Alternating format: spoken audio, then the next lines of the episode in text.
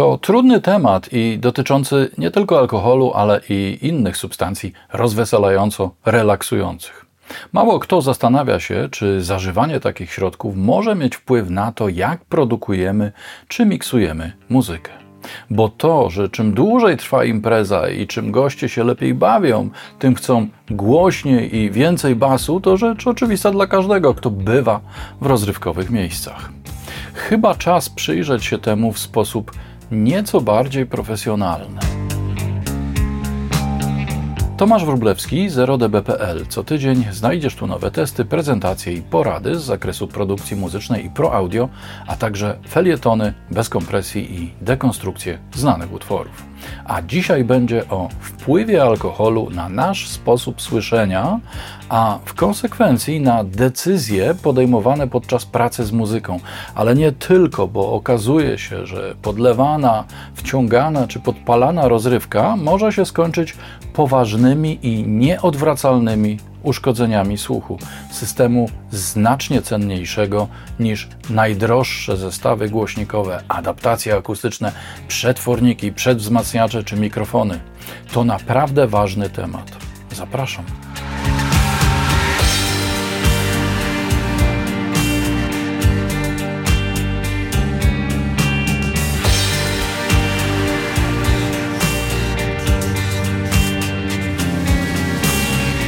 Podczas moich wykładów na Akademii Dziennikarstwa i Realizacji Dźwięku jedne z zajęć zawsze poświęcam tej tematyce, a przerażenie, jakie maluje się wówczas na twarzach studentów, utwierdza mnie w przekonaniu, że to sprawa przez wszystkich pomijana i zupełnie nie brana pod uwagę.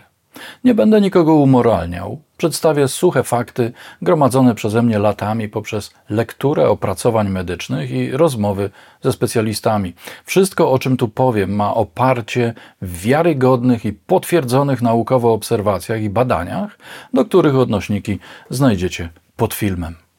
Muszę też przyznać, że nie sprawdzałem na sobie prawdziwości podanych informacji. Raz, że jedna osoba nie jest grupą badawczą, a dwa, że w ogóle nie pije alkoholu.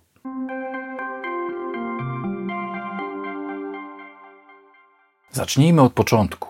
Aby można było przeprowadzić badania i wyciągnąć jakieś wnioski, koniecznym było zebranie grupy osób, które zgodziłyby się na kontrolowane spożycie określonej dawki alkoholu aż do uzyskania co najmniej 3 promili w wydychanym powietrzu. Osoby wcześniej przeszkolono i sprawdzono ich zdolność do poddania się badaniu, a także umiejętność przekazywania informacji. Testy przeprowadzono poprzez odtwarzanie 6 tonów czystych przed i po spożyciu, porównując zebrane dane, informacje i poddając je analizie.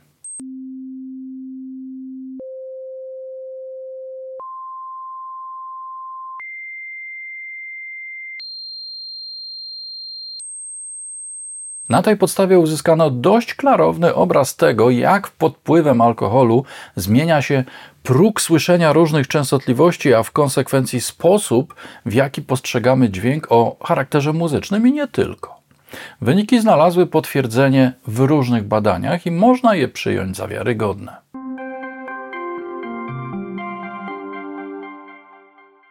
Kilka niezbędnych słów wprowadzenia, będących cytatami z opracowań naukowych, bo ja się na tym nie znam. Alkohol wpływa na ośrodkowy układ nerwowy i szybko wchłania się z żołądka i jelita cienkiego do krwioobiegu.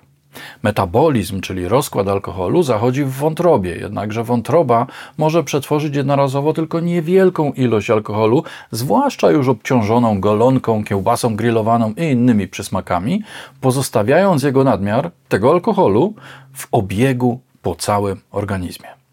Intensywność oddziaływania alkoholu na organizm jest bezpośrednio związana z jego ilością, nie organizmu, ale alkoholu.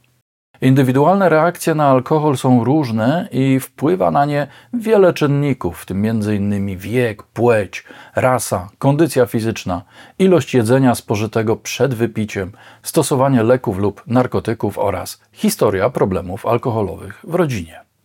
Jasnym jest, że spożywanie alkoholu zwiększa tolerancję na głośny dźwięk, co w sposób bezpośredni prowadzi do upośledzenia słuchu. Przestają działać naturalne mechanizmy obronne, jak sprawujący funkcję kompresora mięsień strzemiączkowy czy napinanie błony bębenkowej. To prowadzi do zaniku mechanicznych ograniczeń w transferze sygnałów w uchu wewnętrznym i w konsekwencji do takich zaburzeń jak szumy uszne, a także ograniczenie zakresu słyszanych częstotliwości. Głośna muzyka z dużą ilością basu, poparta innymi wrażeniami zmysłowymi, jak oślepiające kolorowe światła i swoisty trans wywołany rytmicznym pulsowaniem, powodują wydzielanie endorfin.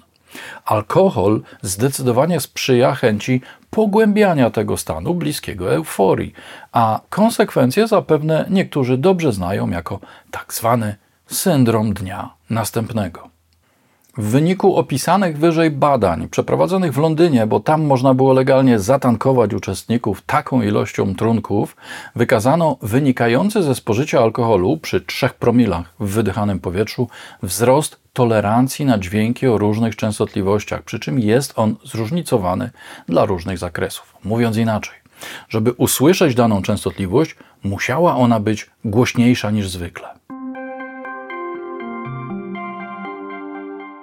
Co to oznacza w praktyce? Że słuchając czy też miksując dźwięk w takim stanie świadomości, zaczynamy pewne częstotliwości odczuwać inaczej niż będąc trzeźwymi jak skowronki.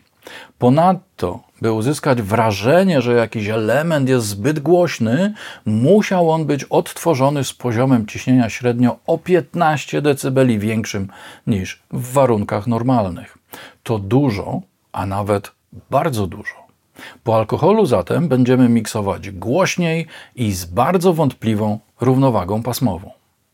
Tu widzimy uśredniony próg słyszalności tonów czystych od 250 Hz do 8 kHz w odstępach oktawowych.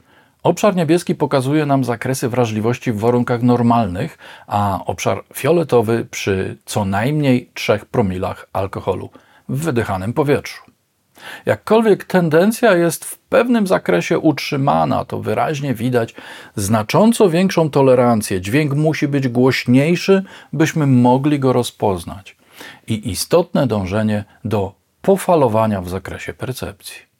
Co ciekawe, stwierdzono, że w przypadku mężczyzn spadek czytelności będzie najbardziej wyrazisty w pasmach 250 Hz, dźwięk musi być o 6 dB głośniejszy i 8 kHz jego poziom ciśnienia trzeba zwiększyć o 9 dB. Zupełnie inaczej wygląda to u kobiet, które, by odpowiednio słyszeć pasma do 1 kHz, muszą odebrać dźwięk z poziomem ciśnienia od 10 aż do 17 dB większym. I pewnie dlatego na rozkręconych imprezach to panie pierwsze zaczynają krzyczeć, by dodać basu. To taki żart, możliwe nawet, że nieśmieszny. Wprawdzie zawsze znajdzie się ktoś dowcipny, kto zasugeruje, że spożywanie alkoholu może prowadzić do wyrównania charakterystyki posiadanych monitorów czy optymalizacji akustyki pomieszczenia, ale to taka sama prawda jak to, że picie piwa jest najlepszą metodą na sprawdzenie, czy nam szyja nie przecieka. Jedno jest pewne używki nie pomagają w efektywnej pracy z muzyką, a nawet znacząco ją utrudniają. Powodują też zwiększenie tolerancji na głośne, a nawet bardzo głośne dźwięki, co w prostej linii prowadzi do poważnych i nieodwracalnych uszkodzeń słuchu. W razie jakichkolwiek wątpliwości i pytań związanych z problemami ze słuchem, należy koniecznie skontaktować się z lekarzem specjalistą. Ja zdecydowanie nie jestem odpowiednią osobą do udzielania jakichkolwiek porad i wyjaśnień w tym zakresie. Może poza kilkoma oczywistymi wynikającymi z doświadczenia. Lepiej nie pić, słuchać cicho, tam gdzie głośno używać stoperów, żyć długo i szczęśliwie i trzymać się zera decybeli. PL